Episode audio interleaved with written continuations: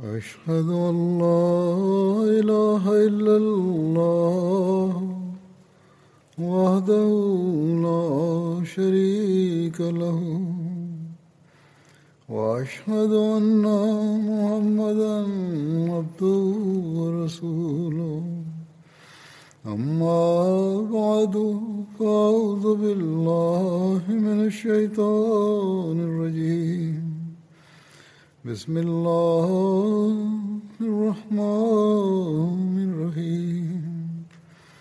الحمد لله رب العالمين. الرحمن الرحيم. مالك يوم الدين. إياك نعبد وإياك نستعين. اهدنا الصراط المستقيم. صراط الذين أنعمت عليهم. غير المغضوب عليهم ولا الضالين. Hari ini saya akan menyampaikan riwayat seorang pengkhidmat jemaat yang sudah lama yang terhormat Chaudhry Hamidullah Sahib yang wafat pada beberapa hari yang lalu. Beliau adalah Wakil Ala Tahrik Jadid Pakistan, Sadar Majelis Tahrik Jadid Anjuman Ahmadiyah, dan juga berkhidmat sebagai officer jalsa salana untuk waktu yang lama.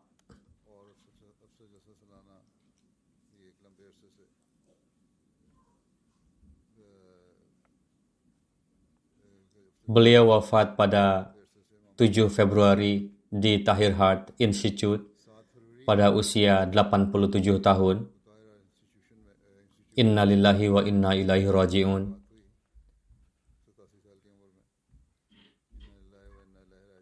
Ayahanda yang terhormat Chaudhry Sahib bernama Babu Muhammad Baksh Sahib dan ibunda beliau bernama Aisyah Bibi Sahibah.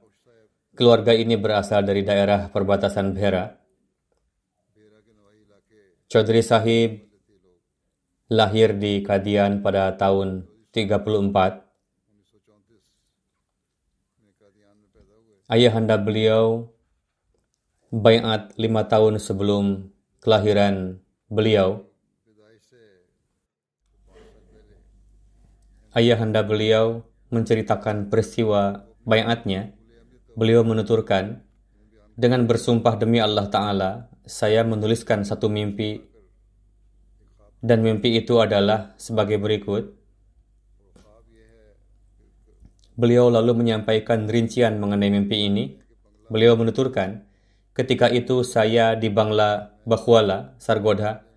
Beliau bekerja di Departemen Irigasi, maka beliau tinggal di Bangla Bakhwala.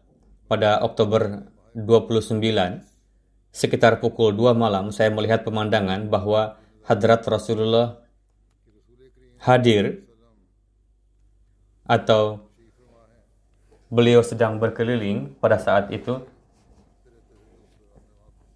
Demikianlah beliau melewati malam tersebut di sana. Beliau menuturkan, saya melihat dalam mimpi pemandangan bahwa Rasulullah datang ke satu musola dan duduk dengan meletakkan kedua tangan di atas paha seperti sedang zikir kepada Allah Ta'ala dengan jemari beliau. Wajah beberkat beliau menghadap ke timur. Beliau bersabda kepada saya, kursi yang Anda duduki, sambungan-sambungannya sudah longgar. Mendengar itu, saya segera bangkit dan melihat satu sambungannya telah longgar. Saya berterima kasih kepada beliau dan mengatakan, Anda telah menyelamatkan nyawa seorang hamba. Jika saya jatuh ke depan atau ke belakang, maka kepala saya bisa pecah. Tidak lama kemudian, di tangan beberkat hadrat Rasulullah, terdapat satu kursi yang masih baru, yang lengan-lengannya memanjang ke depan. Beliau bersabda, Duduklah di kursi ini, ini adalah kursi Ahmadiyah, yakni Islam yang hakiki dan memiliki dalil-dalil yang kuat. Setelah itu hamba ini terbangun. Ini adalah peristiwa bayatnya ayahanda Chaudhry Hamidullah Sahib ke dalam jemaat Ahmadiyah.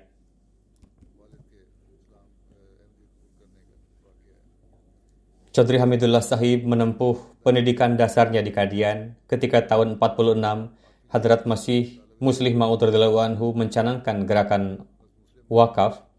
Pada waktu itu beliau siswa di kelas 8. Ibunda beliau mengucapkan labaik atas seruan tersebut dan membawa beliau kepada Hadrat Muslih Ma'ud dan mengatakan kepada Huzur, ini adalah anak saya. Saya mewakafkannya untuk mengkhidmati agama.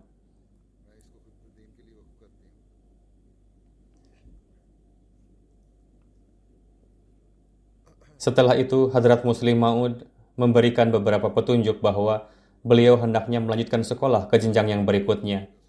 Pada tahun 49, beliau lulus ujian metrik. Kemudian, atas petunjuk dari wakalat Diwan, beliau datang ke Rabuah.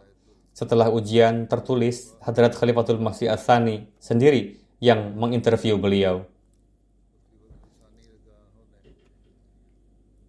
Pada waktu itu sedang berlangsung meeting para nazir anjuman Ahmadiyah. Hadrat Khalifatul Masih Asani hadir dalam meeting tersebut. Di sana beliau memanggil tiga orang pemuda yang hadir pada waktu itu, yaitu Chaudhry Hamidullah Sahib, Muslihuddin Sahib, dan Samiullah Sahib. Kemudian Hadrat Muslim Maud menginterview beliau dan atas petunjuk dari Hadrat Khalifatul Masih Athani, beliau melanjutkan pendidikannya dan meraih pendidikan di sekolah dan universitas. Atas petunjuk Hadrat Khalifatul Masih Athani, beliau meraih gelar BSc. Saat meraih gelar BSc, beliau mendapatkan posisi kedua di seluruh provinsi. Kemudian beliau meraih ME di bidang matematika di divisi pertama. Pada tahun 55, beliau ditetapkan sebagai guru di Talimul Islam College dan ditetapkan sebagai kepala pada jurusan matematika. Beliau menikah pada tahun 60 dengan Razia Khanim Sahibah yang merupakan putri dari Abdul Jabbar Khan Sahib dari Sargoda Hingga tahun 74, beliau melakukan pengkhidmatan di Talimul Islam College Rabuah. Setelah college dinasionalisasi atas petunjuk Hadrat Muslimah Hadrat Khalifatul Masih yang ketiga, beliau pensiun dari college karena beliau seorang wakaf zindagi. Sekarang college tersebut telah dinasionalisasi, oleh karena itu tidak sepatutnya untuk mengajar di kantor pemerintahan. Maka Hadrat Khalifatul Masih yang ketiga, memberikan petunjuk kepada sebagian wakafin zindagi. Tidak semuanya untuk tetap melanjutkan bekerja di college. Karena di sana pun diperlukan. Dan kepada sebagian yang lain, beliau radhiallahu anhu, beliau rahmatul, rahmatullah alaih, memberikan petunjuk supaya berkhidmat di jemaat. Singkatnya,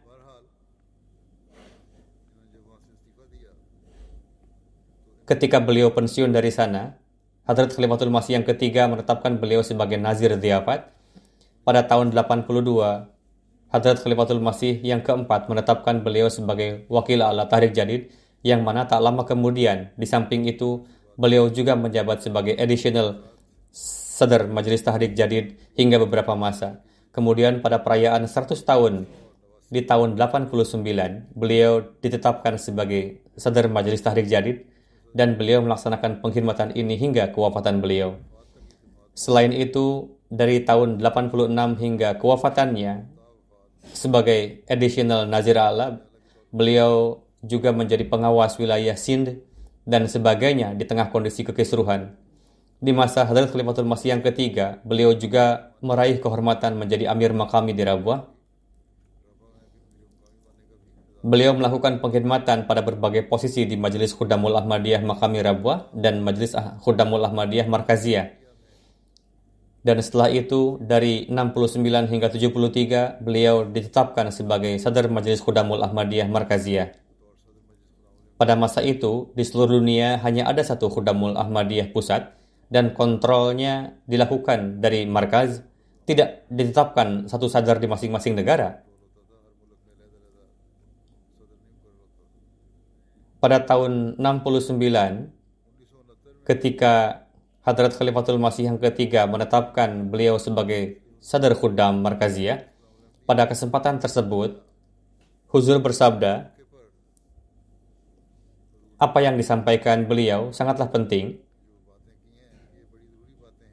meskipun hanya sebagian yang saya kutip dari pidato Hadrat Khalifatul Masih yang ketiga yang panjang, namun ini sangat penting karena ini adalah petunjuk-petunjuk dan perkara-perkara yang harus diingat dan berusaha untuk diamalkan oleh keturunan jasmani dan keturunan rohani Hadrat Masih Maud salam serta para pekerja jemaat.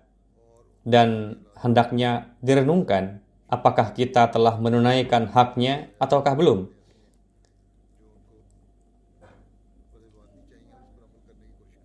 Hadrat Khalifatul Masih yang ketiga rahimahullah bersabda, Hendaknya berdoalah untuk pemuda yang akan menjadi sadar dan berdoa jugalah untuk pemuda mukhlis yang akan mengemban jabatan ini. Semoga Allah Ta'ala mengabulkan upaya-upayanya dan memberikan taufik kepada generasi yang akan datang supaya dengan pertolongan Allah Ta'ala mereka dapat bekerja lebih baik daripada dari para pendahulunya. Huzur bersabda, kita tidak bisa stagnan di satu tempat, setiap kita yang baru diserahi tanggung jawab hendaknya berusaha untuk lebih maju dari para pendahulunya. Karena dengan karunia Allah Ta'ala, di dalam jemaat terus terjadi pengembangan dan perluasan.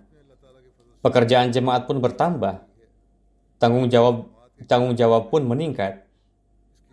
Singkatnya, telah saya katakan bahwa yang memegang jabatan sadar khuddam dari sisi hubungan darah dengan Hadrat Masih Maud salam bukanlah seorang yang memiliki garis keturunan, sebelum Chaudhry Sahib nampaknya yang menjadi sadar adalah Hadrat Mirza Tahir Ahmad, Khalifatul Masih yang keempat. Dan beliau rahimahullah memiliki hubungan darah dengan Hadrat Masih Maud salam. Maka Hadrat Khalifatul Masih yang, yang ketiga bersabda, sedangkan orang ini tidak memiliki hubungan darah. Ia bukanlah seseorang yang memiliki garis keturunan, namun dari sisi keturunan rohani, setiap orang sebagai hasil dari semangat, upaya, doa, dan kerendahan hatinya mampu untuk menjadi keturunan rohani Hadrat Masih Maud salam dan hendaknya menjadi putra yang sejati dan hakiki. Dan banyak orang yang lebih terdepan dibandingkan dengan putra-putra jasmani. Padahal mereka hanya putra-putra rohani. Hubungan jasmani adalah hubungan duniawi ia tidak memiliki hubungan dengan agama dan kerohanian. Jalinan yang sebenarnya antara Hadrat Masih Maud Islam dengan keturunan beliau hanyalah jalinan rohani. Dan hal ini harus diingat oleh mereka yang memiliki hubungan jasmani dengan Hadrat Masih Maud Islam atau memiliki hubungan darah bahwa jalinan yang sejati antara Hadrat Masih Maud Islam dengan anak keturunannya hanyalah jalinan rohani. Untuk itu dikatakan bahwa para nabi bukanlah pewaris siapa pun. Dan tidak juga mereka memberikan warisan kepada siapa pun. Karena warisan kaitannya adalah dengan kekerabatan jasmani. Hal ini dinafikan. Namun sejauh menyangkut karunia-karunia dan keberkatan-keberkatan rohani, inilah hakikat, inilah kebenaran, inilah hikmat, inilah sesungguhnya makna yang sejati dari keturunan rohani seseorang yakni ia yang menegakkan perintah Allah Ta'ala sesuai dengan kehendak dan firman-Nya, dan setiap orang akan mendapatkan ganjaran sesuai dengan keikhlasan dan pengorbanannya. Alhasil, sebenarnya keturunan rohani inilah yang merupakan keturunan dari seorang wujud suci. Ia tidak memiliki keturunan jasmani. Sebenarnya, keturunan yang hakiki dari Hadrat Masih Maud salam adalah keturunan rohani. Untuk itu, Beliau alaihissalam bersabda mengenai keturunan jasmani beliau bahwa Allah Ta'ala telah mengabulkan doaku dan menjadikan mereka wujud rohani. Jika dengan menjadi keturunan jasmani terdapat keistimewaan, maka beliau alaihissalam tidak perlu memanjatkan doa-doa tersebut dan tidak juga membutuhkan pengabulannya. Alhasil, perkara yang penting adalah memiliki hubungan yang kuat secara kerohanian meskipun tidak memiliki hubungan secara jasmani. Untuk itu, orang-orang yang beranggapan bahwa hanya sebagai keturunan jasmani saja merupakan satu kemuliaan, mereka telah keliru. ada sebagian orang dalam Islam yang memusuhi keturunan Rasulullah hanya karena alasan mereka adalah keturunan jasmani beliau. Namun, ini juga keliru bahwa dikarenakan keturunan jasmani maka mereka meraih kehormatan. Namun, jika ada orang yang memberikan kebesaran kepada mereka dikarenakan hubungan kekerabatan ini, maka ia benar-benar bodoh. Keduanya sama saja dalam hal ini, bahwa mereka yang memusuhi dikarenakan keturunan jasmani, mereka telah melakukan kekeliruan, dan jika ada yang memberikan kehormatan dan kebesaran, maka mereka juga telah keliru. Beliau rahimahullah bersabda, mereka yang beranggapan seperti ini dalam dirinya tidak ada kerohanian dan akal. Jalinan yang sebenarnya adalah kerohanian. Jika di kalangan keturunan jasmani jalinan ini kokoh dan di dalam diri mereka timbul semangat pengorbanan dan ketulusan, maka Allah Ta'ala akan memberikan ganjaran kepadanya dan akan menganugerahinya dengan kedekatan dan keridoannya. Jika di kalangan keturunan jasmani, jalinan dan keteguhan ini kuat dan mereka meraih keberkatan rohani dari para nabi, maka Allah Ta'ala akan memberikan ganjarannya juga dan akan menganugerahinya dengan kedekatan dan keridaannya. Dan siapa saja yang meskipun bukan keturunan jasmani, ia meraih pengaruh rohani dan menjadikan dirinya dalam pandangan dunia seperti keturunan yang hakiki, maka mengatakan mengenai dirinya bahwa hanya dikarenakan ia tidak mempunyai hubungan jasmani, oleh karena itu dalam pandangan Allah Ta'ala ia tidak bisa meraih kehormatan dan kedudukan, ini juga keliru. Alhasil, sekalipun tidak memiliki hubungan jasmani, jika ia menjadi keturunan rohani dan memenuhi haknya, maka ia pun meraih kedudukan dan mengatakan bahwa mengenainya dan mengatakan mengenainya bahwa ia tidak meraih kehormatan dan kedudukan adalah keliru. Kemudian bersabda, keduanya keliru, yang sebenarnya adalah siratal mustaqim, yakni barang siapa yang dalam pandangan Allah Ta'ala meraih kedudukan dan kehormatan, maka ia telah sukses. Ia telah mendapatkan taufik untuk mengerjakan pekerjaan-pekerjaan agama Allah Ta'ala sesuai dengan kemampuannya. Allah Ta'ala telah mengabulkan upaya-upayanya terlepas apakah ia mempunyai hubungan jasmani dengan utusannya di zaman itu atau tidak. Alhasil, orang-orang yang mengatakan bahwa dikarenakan mereka mempunyai hubungan jasmani, maka mereka harus dikatakan mulia, mereka pun telah mengatakan hal yang tak masuk akal. Dan orang-orang yang beranggapan bahwa dikarenakan seseorang memiliki hubungan jasmani, maka ia telah baik dan mendapatkan kehormatan sebagai warisan, ini juga keliru. Dengan demikian, tidak ada seseorang yang mendapatkan kehormatan dan kemuliaan sebagai warisan. Alhasil, barang siapa yang beranggapan bahwa dikarenakan tidak memiliki hubungan jasmani, maka tidak bisa mendapatkan kemuliaan dan kebesaran, ini adalah keliru. Singkatnya, barang siapa yang beranggapan bahwa dikarenakan memiliki hubungan jasmani, maka pasti mendapatkan kemuliaan, ini pun keliru. Faktanya, hubungan rohani adalah nama dari menempuh ketakwaan, menciptakan kecintaan hakiki kepada Allah Ta'ala, berkorban demi Allah Ta'ala, mendatangkan satu kematian bagi nafsunya, menganggap diri bukan apa-apa, dan setelah memfanakan diri, ia meraih satu kehidupan yang baru dan suci dari Allah Ta'ala. Inilah jalinan yang sebenarnya. Tanpa itu, suatu hubungan tidak bisa dikatakan hubungan. Beliau rahimahullah bersabda, singkatnya, dengan karunia Allah Ta'ala,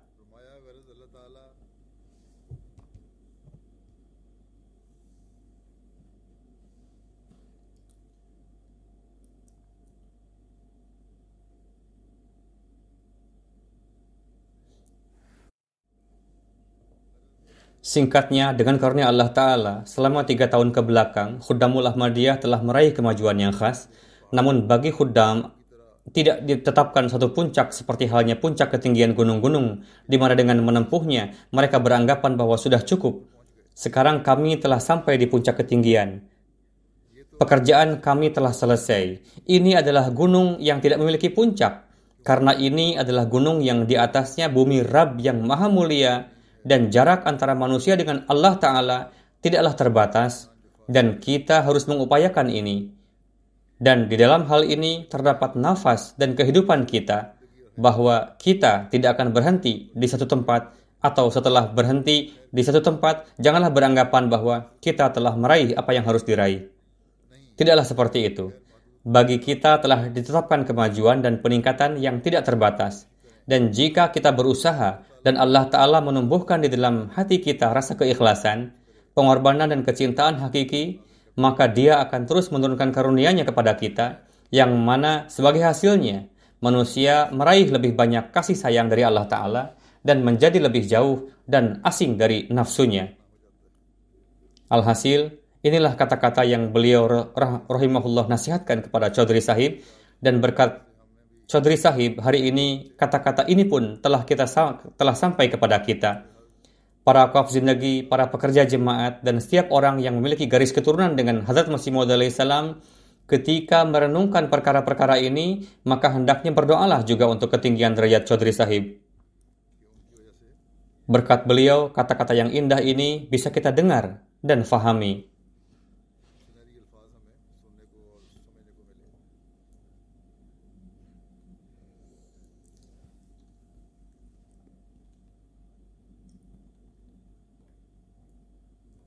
Ketika menyampaikan ceramah pada kesempatan istimewa Khudamul Ahmadiyah Markaziyah pada tahun 70, Hadrat Khalifatul Masih yang ketiga rahimahullah bersabda mengenai beliau, saya telah menyerahkan kepemimpinan khuddam kepada seorang anak yang mukhlis yang tidak memiliki hubungan jasmani dengan Hadrat Masih Maud salam. Namun hubungan rohaninya begitu kuat. Allah Ta'ala telah memberikan taufik kepadanya untuk bekerja dan memberikan keberkatan dalam upaya-upayanya serta mengabulkan doa-doa kita.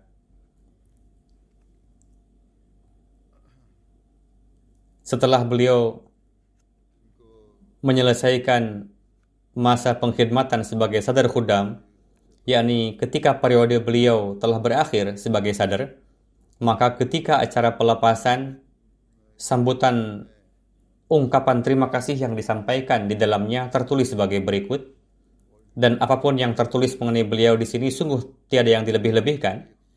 Acara khusus pada hari ini dipersembahkan bagi Chaudhry Sahib.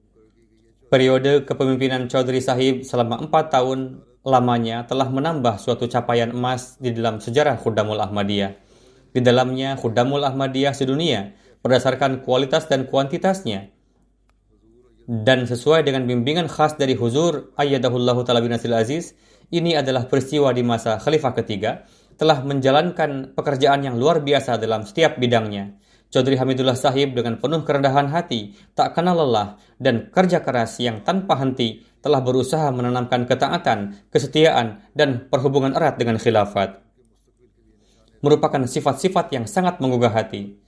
Ke dalam generasi muda yang kelak akan terbukti menjadi petunjuk jalan di masa depan mereka nanti. Insya, insya Allahul Aziz di masa kepemimpinan beliau sesuai dengan harapan Sayyidina Hadrat Amirul Mukminin Khalifatul Masih Al-Thalis setiap bidang dalam Khudamul Ahmadiyah telah meraih kemajuan pesat.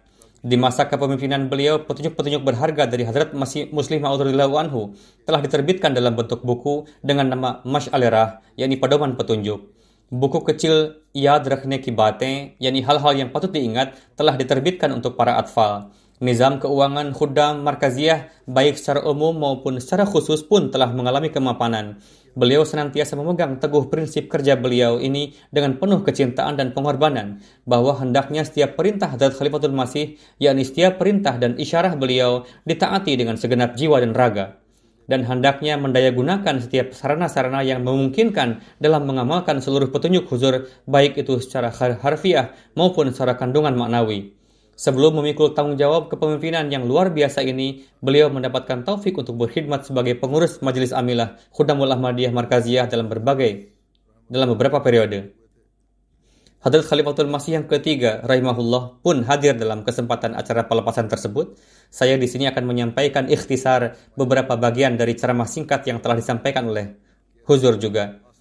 Hadrat Khalifatul Masih yang ketiga bersabda, berkenaan dengan sosok yang akan dilepas, kita berdoa semoga Allah Ta'ala menganugerahkan pahala yang sebaik-baiknya. Dan kepada sosok yang datang, kita berdoa semoga Allah Ta'ala menganugerahkan taufik untuk dapat menjalankan pengkhidmatan yang sebaik-baiknya dan terkabul di sisinya.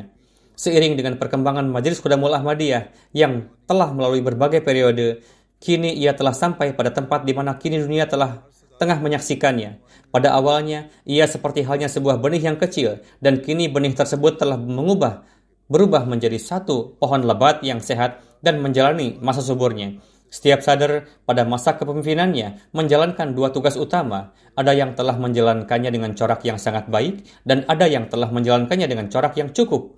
ada yang hanya sekedar menjalani periode tugasnya, dan ada yang hanya tampak di satu corak saja.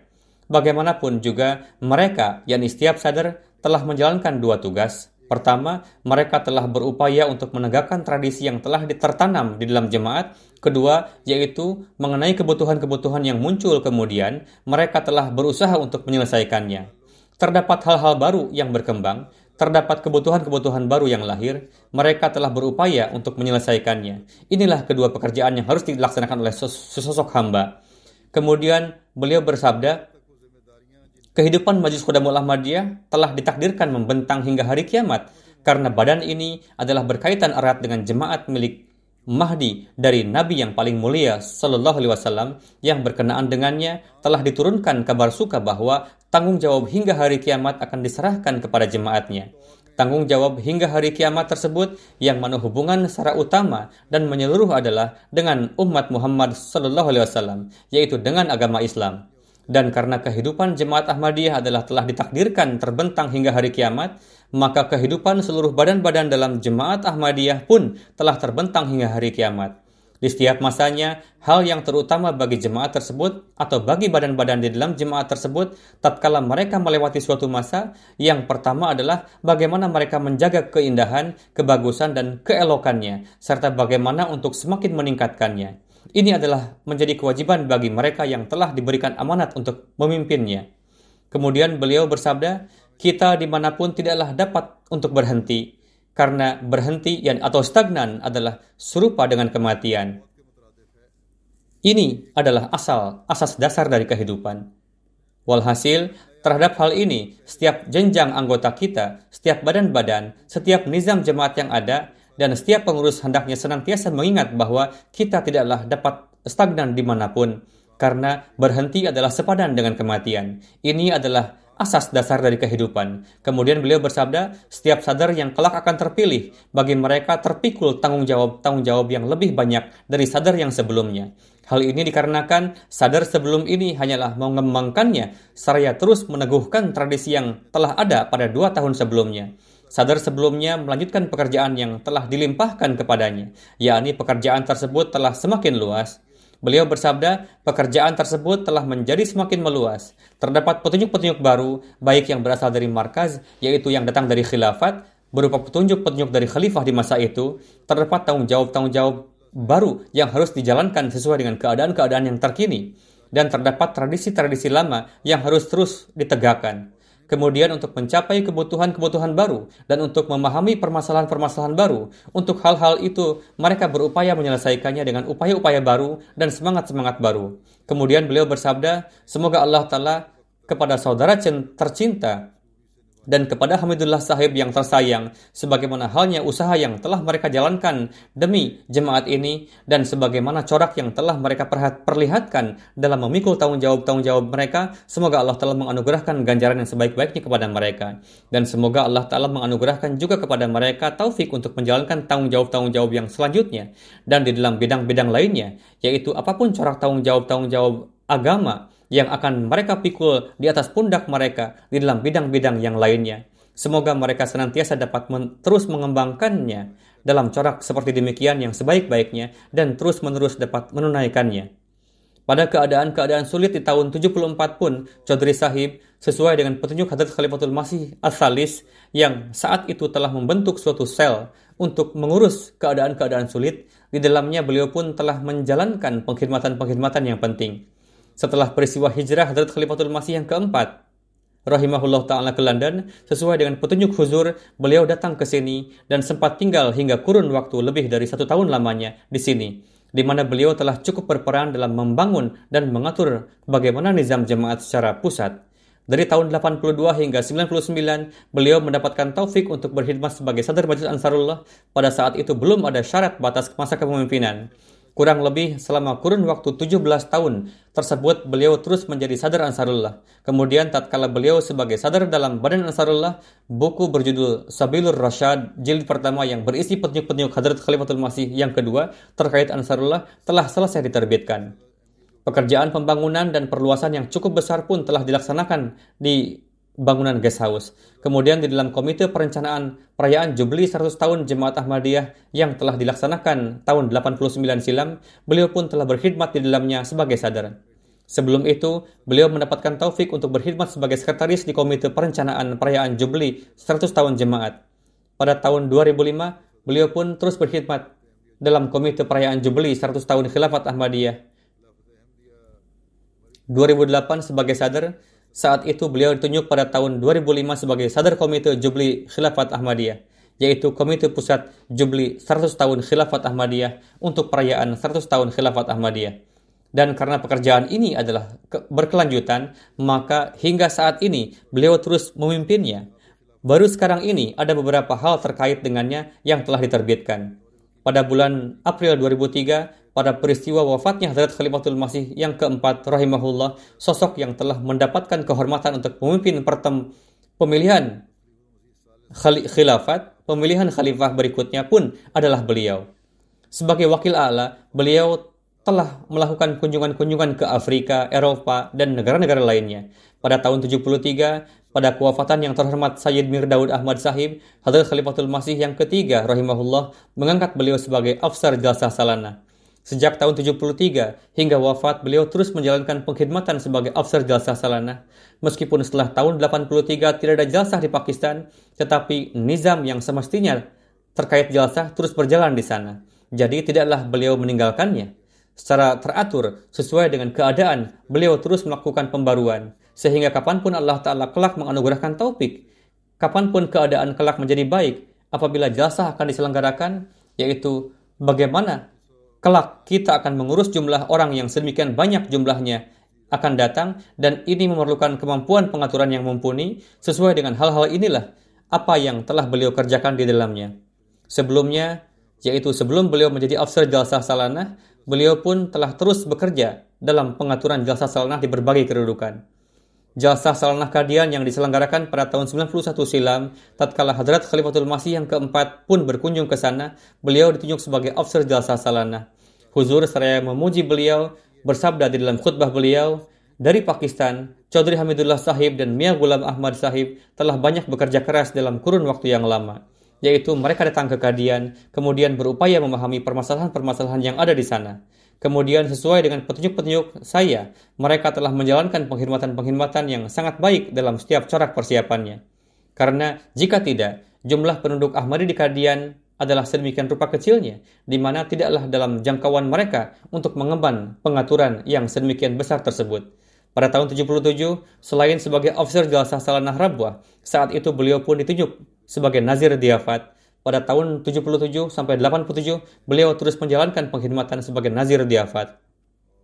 Di antara keluarga yang beliau tinggalkan, selain istri Razia Khanun, ada juga seorang putra dan dua orang putri. Putra beliau sekarang tinggal di Kanada, yaitu Rashidullah Sahib.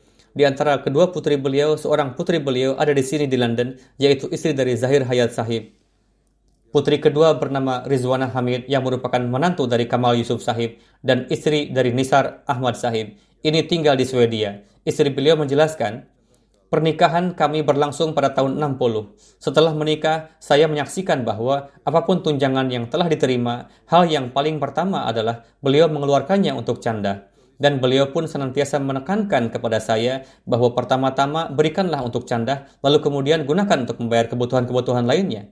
Beliau pun menekankan saya tentang al-wasiat, pada waktu menikah, tunjangan yang didapatkan oleh Chaudhry Sahib saat itu adalah 80 rupiah. Huzur bersabda, sekarang kita sedikit pun tidak sanggup membayangkannya. Mereka, memang masa itu adalah masa di mana semua adalah murah. Namun demikian, 80 rupiah pun saat itu adalah jumlah yang sangat kecil. Saat itu tunjangan beliau adalah 80 rupiah.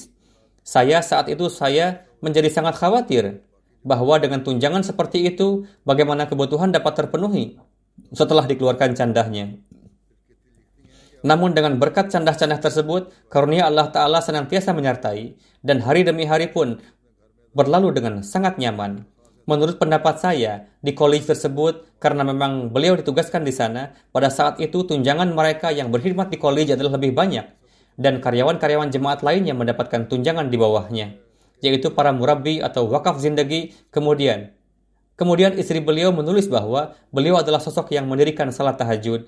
beliau mendirikan salat lima waktu secara berjamaah, baik itu di masjid atau di kantor. Dalam keadaan beliau sakit, beliau melakukannya di rumah. Beliau sangat memperhatikan perihal salat. Hingga akhir hayat, beliau tidak meninggalkan satupun salat dan melaksanakannya tepat pada waktunya. Setelah menyaksikan beliau, saya pun menjadi terbiasa mendirikan salat tahajud. Saya telah mempelajari semua semuanya dari beliau. Kemudian beliau mengatakan, beliau memperlakukan saya dengan perlakuan yang sangat baik. Apa pun sesuatu yang datang di rumah, Pertama-tama beliau memberikannya kepada saya, lalu kemudian beliau membagikannya kepada anak-anak. Pada umumnya, beliau datang dari kerja ke rumah hingga waktu larut. Beliau banyak tinggal di kantor, dan hingga sangat larut malam beliau masih bekerja di kantor-kantor beliau. Saya juga melihat demikian. Kemudian istri beliau mengatakan, beliau tidak menyusahkan diri saya. Beliau membuka sendiri kunci gerbang luar rumah lalu masuk ke dalam. Betapapun larutnya beliau datang, beliau tidak pernah membunyikan bel. Beliau tidak pernah membangunkan. Lalu ia lalu beliau mengatakan, apabila ia ingin makan, maka beliau akan cukup untuk memakan meski betapapun isi yang ada di dalam nampan makanan. Di nampan saya biasa menaruh sup, dal, kacang hijau kupas, dan meletakkan beberapa roti di sampingnya. Lalu setelah menyiapkannya, saya pun beranjak untuk tidur. Meskipun beliau datang dari luar, beliau memanaskan makanan sendiri lalu menyantapnya. Tidak pernah beliau memintanya. Baik itu dalam hal makanan ataupun pakaian. Apa pun makanan yang beliau terima, dengan senang hati beliau menyantapnya. Dan apa pun pakaian yang saya bawa untuk beliau, beliau mengenakannya dengan senang hati. Tidak pernah beliau mengatakan suatu keberatan. Dan ini adalah suatu asas yang sangat mendasar untuk menjaga kedamaian dan ketentraman di dalam rumah. Apabila hal ini dilaksanakan, maka setengah atau bahkan 80% permasalahan-permasalahan di dalam rumah tangga tidak akan muncul. Beliau pasti ikut serta dalam pelaksanaan salat jenazah, baik itu para syuhada, pengurus-pengurus jemaat, tokoh-tokoh jemaat, karyawan-karyawan jemaat, keluarga-keluarga para karyawan jemaat, dan sahabat-sahabat lain yang beliau kenal. Dan beliau pun tetap berada hingga selesainya pelaksanaan pemakaman. Beliau tidak menyimpan kemarahan terhadap hal apa pun di dalam hati beliau. Beliau memiliki kepribadian yang sangat satar. Beliau adalah seorang suami yang sangat penyayang dan bagi anak-anak beliau, beliau adalah sosok ayah yang penyayang. Beliau tidak pernah marah kepada seorang pun kerabat beliau. Beliau adalah yang paling pertama dalam hal menjalin tali persahabatan. Setiap hari Kamis, beliau datang berkunjung ke rumah saudara-saudara perempuan beliau yang tinggal di Rabuah. Saudari Sahib pun sangat memperhatikan kedua orang tua. Ia mengatakan, suatu saat saya tengah dioperasi di rumah sakit dan saya tinggal hingga 10 hari lamanya di sini. Di sana. Saat itu tidak ada tempat yang tersedia sehingga beliau pun berbaring di atas lantai dan di dalam kamar saya. Beliau tidak pernah mengeluh bahwa saya tidak dapat tidur di bawah.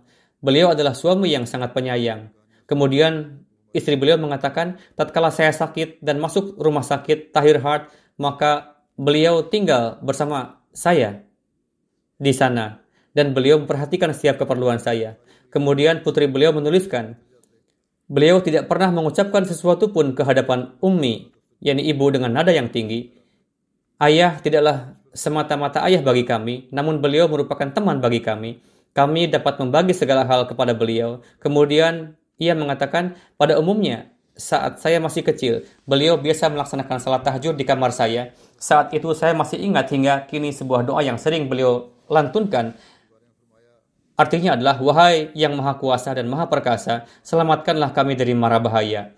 Di masa kanak-kanak, beliau biasa memperdengarkan berbagai kisah seperti cerita kepada kami sebelum tidur. Tatkala beliau datang ke Swedia, saat itu anak-anak saya berusia kecil, dan beliau pun senantiasa memperdengarkan kisah-kisah cerita kepada mereka, dan ayah kami adalah khazanah doa bagi kami. Kemudian seorang putri beliau mengatakan kebiasaan rutin beliau sepanjang umur beliau adalah di waktu pagi hari setelah sarapan pagi beliau pergi ke kantor dan di waktu siang beliau datang beliau datang lewat waktu ke rumah. Setelah salat asar, beliau kembali berangkat ke kantor, dan setelah isya, beliau pulang hingga larut malam ke rumah. Di masa kanak-kanak, tatkala kami memerlukan bantuan dalam pelajaran matematika, maka waktu yang beliau miliki adalah satu jam setelah salat subuh untuk mengerjakan untuk mengajarkan anak-anak. Satu kali pada saat acara pemeriksaan persiapan jalsa salana, Hadrat Khalifatul Masih yang ketiga bersabda berkenaan beliau, saat itu Huzur tengah duduk, Setelah itu giliran para karyawan untuk makan. Pada masa itu biasanya ada acara makan, maka Hadrat Khalifatul Masih yang ketiga mengatakan kepada beliau, Silahkan, Tuan makan bersama saya di mangkuk saya. Saat itu, lauk diberikan dengan menggunakan mangkok tanah liat dan ada mangkok yang terletak di hadapan Hadrat Khalifatul Masih yang ketiga. Huzur bersabda kepada Chaudhry Sahib, Tuan makanlah bersama saya dengan mangkok ini. Beliau adalah sosok yang telah memenuhi tuntutan wakaf zindagi dalam maknanya yang sebenar-benarnya. Selain makan, minum, dan tidur, beliau hanyalah melakukan pekerjaan jemaat, tidak ada waktu yang beliau sia-siakan. Kemudian putri beliau mengatakan, ketika saya kecil, ada satu hal yang beliau ajarkan kepada saya, yaitu tangan yang di atas adalah lebih baik dari tangan yang di bawah. Dulu, dulu saya kerap menyodorkan kedua tangan untuk mendapatkan sesuatu dari orang lain, maka beliau mengatakan dengan isyarat, jangan mengambil seperti ini. Beliau hendak memahamkan agar mengambil dengan tangan di atas. Hendaknya mengambil dengan cara seperti ini. Baik itu uang ataupun suatu, sesuatu yang lain. Ini pun merupakan satu corak tarbiyat yang bagus, beliau sama sekali tidak menaruh kecintaan kepada benda-benda duniawi. Ia mengatakan, saya tidak pernah melihat kelebihan seperti ini pada diri orang lain. Kalaupun ada seseorang yang memberikan sebesar apa pun hadiah kepada beliau, tidak akan nampak kilauan kebahagiaan pada mata beliau. Mata beliau hanya tertarik dalam urusan kejemaatan. Beliau biasa meletakkan HP di atas ranjang sehingga dapat dihubungi 24 jam oleh setiap orang. Putri beliau, putri beliau yang besar menulis, Beliau memiliki pandangan yang dalam yang dalam kepada putra-putri beliau. Beliau sangat menghargai perasaan anak-anak. Beliau tidak pernah memerintahkan ini itu kepada kami untuk kemudahan beliau sendiri, melainkan melakukannya sendiri, segala kebutuhan. Setiap saat beliau selalu berusaha untuk membantu kami. Beliau biasa mendudukkan anak-anak saya, lalu mengajarkan perkara kejemaatan kepada mereka. Beliau biasa menceritakan perihal keberkatan khilafat dan kisah-kisah yang menggugah keimanan yang beliau alami dengan khilafat. Setiap ucapan beliau tidak ada yang sia-sia dan memberikan pengaruh positif kepada kami. Putra beliau pun menulis bahwa beliau selalu menekankan pada dua hal, yakni salat dan jangan meninggalkan khutbah huzur dalam kondisi apa pun, dan apa pun yang dinasihatkan oleh khalifah harus diamalkan dengan sebaik-baiknya. Beliau biasa mengatakan kepada saya, berikanlah kesan kepada penduduk Kanada sehingga bisa menjadi sarana tablig. Berikan kesan bahwa kita menghormati dan mencintai mereka. Jamilur Rahman Rafiq Sahib, Wakil Tasnif Tahrik Jadid menulis, saya memiliki hubungan yang sangat lama dengan Hamidullah Sahib. Ayahanda beliau adalah figur yang sangat aneh, pemilik sifat-sifat terpuji. Sifat-sifat ini juga yang menurun kepada Chaudhry Sahib. Ayahanda beliau, Muhammad Baksh Sahib, selalu menabligi Chaudhry Fazil Ahmad Sahib. Ini terjadi sekitar 60 atau 70 tahun lalu. Akhirnya, yang ditabligi itu bayat masuk jemaat berkat tablig ayah beliau. Di kemudian hari, Chaudhry Fazil Ahmad Sahib menjadi mertua saya dan beliau menjalin dengan baik hubungan tersebut. Selain itu, Hamidullah Sahib juga merupakan guru saya. Ketika saya menempuh gelar BSc, saat itu beliau baru lulus meraih gelar ME Matematika. Hamidullah Sahib mengajar kami untuk sekian lama. Beliau mengajar dengan segenap kesungguhan yang mana hal itu sangat berkesan bagi kami. Beliau sangat teguh dalam prinsip, namun penyayang. Beliau biasa memberikan bantuan secara diam-diam kepada staf bawahan yang membutuhkan bantuan. Dengan karunia Allah Ta'ala, beliau sangat gigih. Beliau memiliki tabiat yang dekat dengan keilmuan, khususnya sangat faham dengan bidang sejarah dan geografi. Beliau pun selalu menasihatkan untuk mendalaminya. Dengan karunia Allah Ta'ala, beliau sangat berhati-hati dalam membelanjakan uang jemaat. Beliau sering berkata, alih-alih menggunakan seluruh halaman kertas untuk menulis surat yang singkat, potong saja kertas tersebut menjadi dua. Beliau memahami segala urusan secara mendalam. Jika dihadapkan pada satu urusan, beliau biasa menganalisanya sampai ke hal-hal yang sangat halus. Setelah itu memutuskannya. Keistimewaan tersebut dengan karunia Allah Ta'ala sangat nampak jelas pada diri beliau. Wakil Diwan Laik Sahib Laik Nasir Sahib menuturkan, Hamidullah Sahib pernah mengatakan kepada saya bahwa ketika Hadrat Khalifatul Masih ketiga menjabat sebagai sadar khudam, saat itu Hamidullah Sahib bertugas sebagai asisten sadar pada acara istimewa. Pak Sadar Khudam memerintahkan beliau untuk mengecek keadaan di Langgar Khanah. Langgar Khanah biasa beroperasi ketika istimewa pun pada waktu itu. Chaudhry Sahib menuturkan, ketika saya akan pergi untuk mengecek, Pak Sadar memanggil saya kembali dan bersabda, yang bertugas sebagai ketua Langgar Kanah memiliki tabiat yang keras dan sudah senior, sehingga tidak akan membiarkan Anda masuk ke Langgar Kanah jika Anda pergi tanpa mengenakan badge ini. Kemudian Pak Sadar membuka badge Sadar dan memasangkannya kepada Chaudhry Sahib.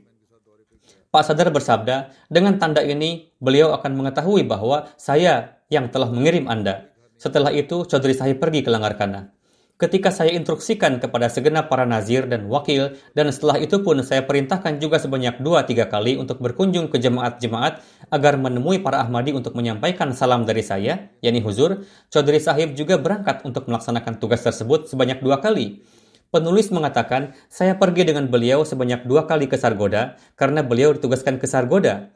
Beliau mengunjungi setiap rumah dan tidak menyisakan satupun. Bagi orang yang sedang tidak berada di rumah, melainkan di tempat kerja atau di mana pun, beliau pun pergi menuju tempat tersebut dan menemuinya di sana. Ada beberapa, ada banyak tempat di mana tidak ada kendaraan umum yang bisa digunakan, sehingga kami terpaksa harus berjalan, berjalan kaki berkilo-kilo meter untuk sampai ke sana. Ini adalah kebiasaan beliau yang khas, yakni taat dan mengamalkan perintah. Beliau biasa membaca berkali-kali pesan yang saya atau huzur berikan. Hamidullah Sahib mengatakan, Ketika saya menyampaikan pesan huzur di hadapan orang-orang, jika dalam kata-kata saya terdapat kekeliruan, baik lebih maupun kurang, tolong ingatkan dan beritahu saya bahwa pesan huzur sebenarnya adalah demikian. Sampai sedemikian rupa kehati-hatian beliau. Dalam urusan perkantoran pun terdapat petunjuk baku dari beliau, yakni bagaimanapun urusannya, apakah urusan besar ataupun kecil. Jika terjadi kekeliruan dalam pelaksanaannya, maka kabarkanlah kepada khalifah dan pastikan supaya huzur mengetahui kekeliruan yang terjadi. Dengan begitu, huzur akan mendoakannya sehingga timbul perbaikan. Kesederhanaan Hamidullah Sahib sangat luar biasa. Ketika melakukan kunjungan, beliau menegaskan kepada jemaat yang akan dituju agar tidak mengadakan protokol penyambutan. Ketika tiba waktunya makan, kapan pun mendapatkan kesempatan makan, beliau makan. Terkadang beliau makan di dalam mobil, terkadang beliau makan sambil duduk di suatu pojok ketika berkeliling di suatu kampung. Terkadang ketika kunjungan, jemaat meminta beliau untuk menyampaikan ceramah, namun beliau selalu menolak dengan mengatakan, saat ini saya hanya akan melakukan tugas yang telah diperintahkan kepada saya. Hadrat Muslim Mahmud bersabda kepada penduduk Hadian dan Rabuah agar membiasakan melaksanakan salat berjamaah di masjid yang berada di, di areanya. Dalam hal ini, Hamidullah Sahib selalu berusaha untuk melaksanakan petunjuk huzur tersebut sampai akhir hayat. Sekurang-kurangnya, beliau berusaha untuk salat berjamaah di masjid yang berada di area kediaman beliau dari antara lima waktu salat. Karena selain di masjid, dekat kediaman beliau, beliau pun biasa datang juga ke Masjid Mubarak, yakni Masjid Center. Pada malam hari pun, beliau biasa datang dan bekerja di kantor. Seringkali beliau datang ke kantor pada malam hari meskipun saat itu tidak ada tugas.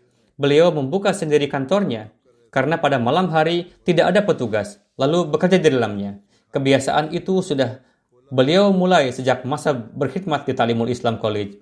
Ada satu kejadian menarik yang terjadi pada masa berkhidmat di college. Suatu hari, beliau tengah bekerja di ruangan staf TI College pada malam hari ada seorang staf pembantu datang membawa wadah makanan. Setelah dibuka ternyata di dalamnya ada hidangan nasi biryani atau nasi pelau. Pembantu itu mengatakan ini adalah kiriman dari Pak Prinsipal yang menjabat sebagai prinsipal saat itu adalah Hadrat Mirza Nasir Ahmad, Hadrat Khalifatul Masih yang ketiga. Sebenarnya Hadrat Khalifatul Masih yang ketiga tidak mengetahui kalau beliau tengah duduk bekerja di kantor.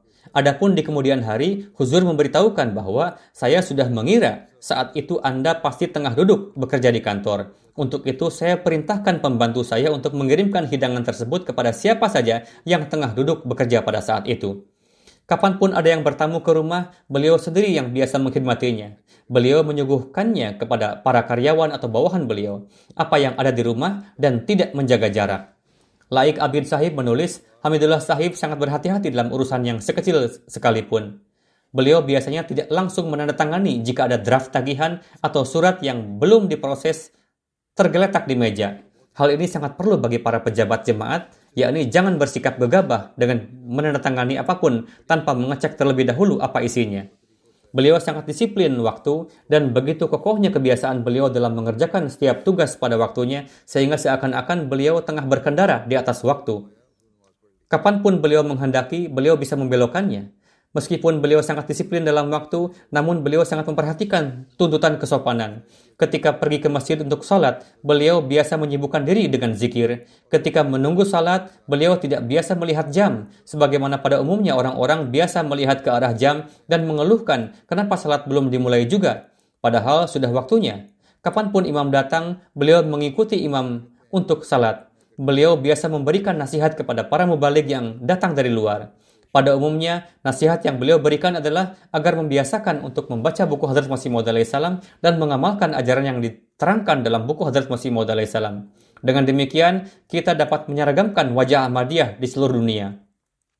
Samiullah Sial Sahib menuturkan, saya menempuh pendidikan metrik bersama Hamidullah Sahib. Setelah lulus, kami mengajukan permohonan untuk mewakafkan hidup kepada Hazrat Khalifatul Masih yang kedua, dan Huzur mengabulkan permohonan kami.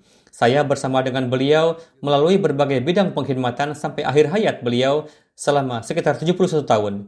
Dari sisi sifat, beliau adalah seorang figur yang luar biasa, penyayang, penuh semangat, pengkhidmat agama, dan memiliki kecintaan yang sangat dalam kepada khilafat. Salah satu keistimewaan beliau adalah selalu memberikan tarbiat dengan sangat baik kepada para pewakaf baru. Ini adalah satu keistimewaan besar beliau. Saya pun, yakni Huzur, biasa menugaskan beliau untuk mendidik sebagian pewakaf baru. Beliau melakukan tugas tersebut dengan sangat baik.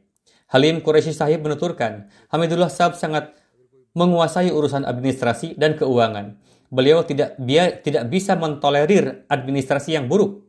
Beliau sangat teliti dalam hal keuangan. Beliau selalu mencari tahu update harga-harga. Jika disampaikan satu kwitansi yang menurut beliau harga suatu barang lebih mahal walaupun hanya 10 rupiah, beliau mempertanyakannya dengan mengatakan harga barang tersebut di toko itu 100 rupiah, sedangkan barang yang Anda beli 110 rupiah dari toko lain. Amir Muhammad Kaisarni Sahib, seorang engineer yang mengurusi mesin pembuat roti di Jalsa, menuturkan, Hamidullah Sahib memberikan keutamaan yang besar pada musyawarah atau saran dari orang lain. Sebelum memutuskan sesuatu urusan, beliau pasti meminta musyawarah terlebih dulu dari pengurus atau pakar dalam bidang terkait. Sebelum melangkah pada tahapan baru, beliau menganalisa secara rinci. Setelah melakukan musyawarah secara luas, lalu sampai pada suatu hasil, ketika kantor libur pada hari Jumat, Mubarak, beliau biasa mengecek keadaan mesin pembuat roti. Demikian pula pada minggu terakhir, ketika hari libur, beliau tetap bekerja di kantor. Berkenaan dengan ini, beliau menasihatkan kepada koleganya mengatakan, kami belajar dari Hadrat Khalifatul Masih yang ketiga. Beliau pernah bersabda, ketika menghadapi kesulitan hidup atau keresahan dalam urusan pribadi, biasakanlah untuk memberikan waktu sebanyak-banyaknya dalam pekerjaan jemaat. Dengan mengamalkan itu, Allah Ta'ala sendirilah yang akan menjauhkan keresahan itu. Ketika berjalan di luar, beliau menyapa orang-orang dengan penuh rasa hormat dan kasih sayang. Beliau selalu berbicara sesuai dengan topik yang disukai oleh setiap orang yang menjadi lawan bicaranya. Sebelum wafat, kami mengadakan rapat dengan beliau membahas perihal pembangunan. Disebabkan oleh suatu keterlambatan, beliau menzahirkan kekecewaan dalam rapat itu kepada saya dan para insinyur lainnya. Namun setelah selesai rapat, pada hari itu juga beliau segera menelepon saya dan seperti biasa beliau berbicara dengan senyuman mengatakan mungkin pada hari ini saya telah menggunakan kata-kata yang keras kepada Anda. Untuk itu saya sampaikan permohonan maaf saya atas sikap saya kemarin dalam rapat. Setelah itu beliau pun menanyakan kabar saya. Hafiz Muzaffar Sahib menuturkan atas usulan saya Huzur keempat pada prinsipnya menyetujui pembangunan research cell setelah itu, Huzur memerintahkan saya untuk menemui Hamidullah Sahib. Di antara dua bangunan yang diusulkan, beliau meminta untuk membangun kantor research cell di Jamiah. Ketika musyawarah, beliau mengatakan, ke depannya Anda-Anda akan melakukan tugas-tugas jemaat. Pertama-tama, Anda hendaknya selalu fokus pada kebutuhan jemaat di masa yang akan datang. Kedua, harus selalu memperhatikan prinsip kona'ah atau tidak berlebihan, alih-alih memilih model model yang disukai, misalnya meja kerja yang besar atau kursi yang nyaman, pilihlah furniture yang sesuai dengan kebutuhan. Majid Tahir Sahib, wakil tafsir London, menuturkan, Hamidullah Sahib selalu melewati setiap detik kehidupannya untuk mengkhidmati agama. Dalam memproses beragam urusan kantor, apa pun yang disabdakan oleh khalifah kepada beliau, beliau langsung memprosesnya tanpa jeda. Tidak jarang ketika beliau menerima petunjuk dari huzur pada malam hari, beliau pergi ke kantor di malam hari untuk mengerjakan tugas tersebut, lalu pulang setelah menyelesaikannya. Tentunya setiap duduk, berdiri, berjalan, bicaranya, diamnya beliau sesuai dengan kehendak huzur. Tatkala ada orang yang menganggap kaidah tertulis lebih tinggi nilainya dari ucapan khalifah, mereka mengatakan peraturan telah dibuat dan kita hendaknya mengamalkan aturan tersebut. Dalam menanggapi orang yang seperti itu, Chaudhry Sahib selalu mengatakan, apa pun petunjuk yang diberikan oleh khalifah, apa pun nasihat huzur, amalkanlah itu. Karena itulah yang menjadi kaidah hukum bagi Anda. Adapun dalam pedoman kaidah tertulis, memang terdapat satu hukum yang mengatur.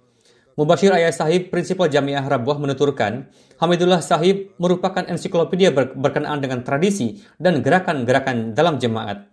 Benar sekali. Kapan pun mendapatkan kesempatan untuk menekuni suatu bidang, beliau benar-benar menguasainya. Saya sering mengatakan kepada beberapa kawan saya bahwa jika kita mengadakan rapat dengan Hamidullah Sahib untuk membahas jamiah, maka Hamidullah Sahib akan memberitahukan kepada kita bahwa bangunan jamiah memiliki sekian anak tangga, sekian tanaman, sekian banyak kekurangan, sekian pohon ini dan itu di bagian ini. Alhasil, Hamidullah Sahib memperhatikan segala sesuatu dengan penuh ketelitian. Dalam rapat, beliau mengetahui sampai hal-hal yang detail beserta dengan bagian-bagiannya berkenaan dengan setiap urusan dan beliau pun berharap supaya kolega beliau memahami itu semua. Hamidullah Sab sedemikian rupa memahami sejarah Rabuah seakan-akan sudah terpatri di mata dan kalbu beliau. Beberapa bulan lalu, saya berjumpa dengan beliau. Saya berkata kepada beliau, terkadang kami menemukan kontradiksi dalam penuturan sebagian sesepuh jemaat berkenaan dengan beberapa tempat bersejarah di Rabuah Mohon kiranya Tuhan berkenan untuk memberikan masukan. Setelah itu, Hamidullah Sab menyampaikan banyak hal kepada saya dan menjelaskannya secara rinci bahwa Pak Anu dan Anu dapat dimintai keterangan, namun daya ingat si A dan si B sudah mulai lemah. Hamidullah Sab mengatakan, begini saja, tolong Anda buatkan daftarnya, lalu kirimkan kepada saya. Kemudian saya akan ikuti, akan ikut serta pergi bersama Anda untuk memberikan keterangan sejauh yang saya ingat. Mubashir Ayasab menuturkan, kerendahan hati beliau sedemikian rupa sehingga beliau sendiri yang biasa membuatkan cai dan menyuguhkan untuk saya. Kisah lain perihal kerendahan hati beliau adalah beliau menghadiri jelasah kadian beberapa tahun lalu yang menjabat sebagai wakil pengawas langgar kana adalah Mahfuzur Rahman Sahib. Saat itu kami tengah ngobrol sambil berdiri, tiba-tiba Hamidullah Sahib lewat dari suatu arah, menyampaikan salam. Setelah itu Mahfuz Sahib mengatakan kepada saya dengan nuansa hati yang khas bahwa Chaudhry Sahib adalah seorang figur yang rendah hati. Tadi beliau Chaudhry Sahib datang menemui saya dan berkata, tolong berikan makanan segera untuk saya. Saya baru selesai menghadiri rapat dan 15-20 menit kemudian saya harus menghadiri rapat lain lagi. Saat itu telah selesai waktunya makan. Saya berkata kepada beliau, baik tuan, di dalam kulkas ada makanan, saya akan panaskan dulu untuk Tuan. Silahkan Tuan tunggu sebentar sambil bersantai dulu. Ketika saya selesai menghangatkan hidangan dan akan mempersembahkan kepada beliau, namun karena proses mempersiapkan hidangan itu cukup lama, sehingga beliau sudah tidak ada. Karena beliau sangat disiplin waktu dan beliau harus segera menghadiri rapat berikutnya. Jika beliau menunggu hidangan hangat, maka beliau akan terlambat menghadiri rapat. Saya melihat sebelumnya, beliau menyantap potongan-potongan roti yang tersisa di meja makan. Roti-roti itu dikumpulkan, lalu dimakan dengan dal dan lauk seadanya di meja. Lebih kurang beliau menghabiskannya. Dengan begitu, beliau dapat menghadiri rapat tepat waktu. Beliau tidak memperlihatkan tanda-tanda mengeluh dan tidak juga mengatakan kepada saya bahwa saya lambat dalam menyiapkan hidangan. Beliau menyantap potongan roti yang ada di meja makan dengan dal atau lauk apa pun yang ada di atas piring pada saat itu. Beliau rajin menelaah buku Hadrat Masih Maud salam dan sangat mendalam. Nampaknya beliau terus-menerus menelaah buku-buku tersebut dan tidak hanya mencukupkan sampai pada penelaahan saja, bahkan tidak tidaklah keliru jika dikatakan bahwa beliau menelaah buku-buku dengan penuh pendalaman. Beliau menganalisa sampai pada setiap perkara. Jika timbul suatu pertanyaan di benak beliau, beliau mencari solusinya dan berupaya untuk menyelesaikannya. Beliau pun menasihatkan orang lain untuk melakukannya, yakni ketika membaca buku, perhatikanlah setiap kata-katanya. Kapan pun timbul pertanyaan di benak, usahakanlah untuk dicari jawabannya. Mubarik Siddiqisah menuturkan, suatu hari ketika Hamidullah Sahib berkunjung ke London, saya, yakni Huzur, mengizinkan para alumnus Ta'limul Islam College untuk mengadakan pertemuan reuni. Sidi Kisah berkata, saya sampaikan kepada Hamidullah Sahib bahwa Huzur telah mengizinkan penyelenggaraan acara tersebut. Ketika berbicara dengan Chaudhry Hamidullah Sahib, saya katakan kepada beliau, Tuhan telah memberikan taufik kepada Tuhan untuk melakukan berbagai pengkhidmatan untuk masa yang panjang dan telah memberikan banyak sekali kemuliaan kepada Tuhan. Mohon Tuhan berikan saya nasihat, apa rahasia dari ini semua? Almarhum menuturkan, ada satu rahasia, jangan anggap pengetahuan dan akal kita sebagai sesuatu. Taatlah kepada khalifah dengan menutup mata. Tampilkanlah ketaatan yang sedemikian rupa sehingga hati Anda memberikan kesaksian bahwa aku telah berusaha sekuat tenaga untuk memenuhi hak ketaatan. Mirza Jawad, Jawad, Jawab Sahib, Jawad Sahib menceritakan satu riwayat Hadis Khalifatul Masih yang ketiga. Suatu hari Huzur bersabda kepada Hamidullah Sab pada kesempatan jelasa salana sebelum perpisahan India Pakistan, biasa mendapatkan giliran berjaga selama satu minggu. Setiap orang yang mendapatkan tugas jaga dalam tempo satu minggu itu hanya mendapatkan satu cangkir teh cair sebagai snack penyegar. Al-Kasih, Al-Kisah, seorang karyawan yang telah selesai bertugas jaga dan mendapatkan jatah cair kembali ke kamarnya di Langgarkhana dengan wajah ceria sambil membawa jatah cairnya. Tamu yang saat itu sekamar dengan karyawan tersebut dan sedang terlentang di ranjang menyangka bahwa karyawan itu membawakan cair untuknya. Tamu bertanya kepada karyawan yang telah bertugas jaga itu, "Apakah Anda membawakan cahaya untuk saya?" Karyawan tersebut tanpa menjelaskan langsung memberikan cahaya tersebut kepada tamu itu. Hamidullah Sahib menyampaikan bahwa Hadrat Khalifatul Masih yang ketiga rahimahullah sering menceritakan kisah pengorbanan karyawan yang sedang bertugas tersebut, yakni bagaimana mereka dalam setiap kondisi senantiasa memperhatikan kenyamanan tamu. Hamidullah Sahib mengatakan, coba perhatikan, ada kalanya di mana orang yang melakukan tugas jaga hanya mendapatkan jatah cair satu kali dalam seminggu. Bahkan ketika bertugas pun terpaksa berkorban seperti kisah di atas. Adapun saat ini, Allah Ta'ala menganugerahkan harta yang sedemikian rupa banyaknya kepada jemaat, sehingga mendapatkan cair untuk setiap rapat yang kecil sekalipun sudah menjadi suatu hal yang biasa. Untuk itu, kita harus memahami bahwa begitu banyak karunia Allah Ta'ala yang tercurah dan belanjakanlah harta jemaat dengan penuh kehati-hatian dan terhindar dari penghamburan. Sebetulnya masih banyak kisah mengenai Hamidullah Sab, hanya beberapa saja yang saya sampaikan. Jika disampaikan semuanya akan sangat panjang, saya akhiri sampai di sini. Apa pun yang disampaikan perihal beliau tadi, keistimewaan-keistimewaan beliau yang dikisahkan tadi, di dalamnya tidak ada yang dilebih-lebihkan, banyak hal yang ditulis oleh orang-orang, ada surat yang menulis begitu panjang sehingga saya tidak bisa memotongnya, walaupun dari tengah dan tidak pula dapat membacakan sebagian surat yang diterima. Beliau adalah figur yang memiliki kapasitas yang luar biasa, kesederhanaan, dan seorang yang sangat gigih dalam bekerja. Saya pun mendapatkan kesempatan untuk bekerja dengan beliau. Beliau mengajarkan kepada saya hal-hal dalam menghadapi tugas dengan cara-cara yang lembut, setelah saya menjabat sebagai Nazir Allah dan Amir Makami Rabuah, beliau menampilkan ketaatan yang lebih lagi. Beliau telah memenuhi hak dan janji bayat kepada khilafat sebagai seorang Ahmadi dan sebagai seorang karyawan jemaat. Beliau menanggapi setiap suara dan perintah khalifah dengan segenap keseriusan, bahkan tidak hanya perkata. Beliau mengamalkan setiap huruf yang diperintahkan oleh khalifah. Beliau tidak pernah menafsirkannya ini atau itu.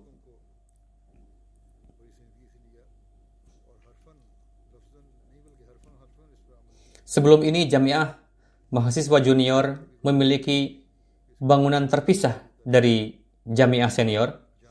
Saya, yani Huzur, katakan kepada beliau bahwa jika dipisah akan memakan biaya yang lebih. Untuk itu tidak perlu dipisahkan. Satukan saja dengan tingkatan senior. Saat itu saya pun meminta pendapat dari Chaudhry Sahib dan beberapa pejabat jemaat lainnya. Dalam hal ini, Chaudhry Sahib memberikan pendapat yang berbeda dari saya. Namun setelah saya memutuskan agar kedua tingkatan jamiah itu disatukan, Chaudhry Sahib segera mengamalkannya dengan suka hati. Saya beranggapan prosesnya akan berlangsung beberapa hari, namun ternyata dalam jangka waktu satu hari sudah diproses dan disampaikan laporannya kepada saya bahwa instruksi saya telah diamalkan.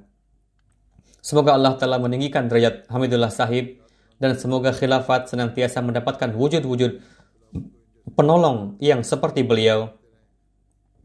Doakan juga untuk keadaan saat ini. Semoga Allah Ta'ala segera mengubah keadaan di Pakistan. Semoga Allah Ta'ala memberikan taufik kepada para Ahmadi Pakistan untuk dapat hidup dengan merasakan kebebasan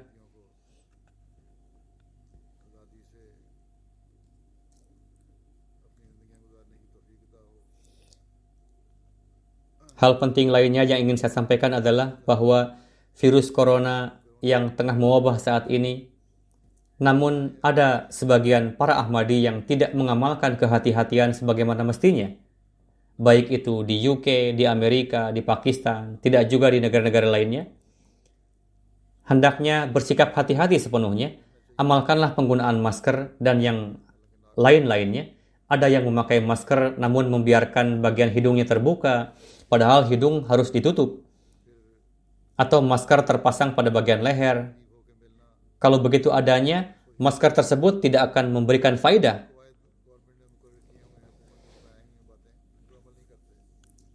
Ada juga yang tidak memperhatikan jaga jarak dengan mengobrol terlalu dekat dengan orang lain dan tidak mengamalkan petunjuk dan aturan dari pemerintah.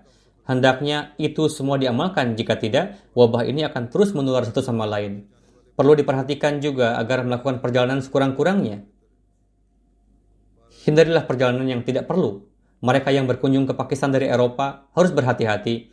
Adalah lebih baik jika tidak melakukan safar pada saat seperti ini Semoga Allah Ta'ala segera menjauhkan wabah ini. Semoga Allah Ta'ala memberikan kesembuhan kepada para Ahmadi maupun non-Ahmadi yang tengah sakit saat ini.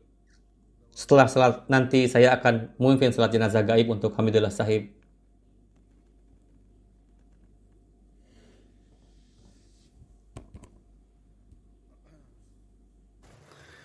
Alhamdulillah الحمد لله نحمده ونستعينه ونستغفره ونؤمن به ونتوكل عليه ونعوذ بالله من شرور انفسنا ومن سيئات اعمالنا من يهده الله فلا مضل له ومن يضلل فلا هادي له. ونشهد ان لا اله الا الله ونشهد ان محمدا عبده ورسوله. عباد الله رحمكم الله. إن الله يأمر بالعدل واللسان وإيتاء ذي القربى وينهى عن الفحشاء والمنكر والبغي يعظكم لعلكم تذكرون اذكروا الله يذكركم ودوه يستجب لكم ولذكر الله أكبر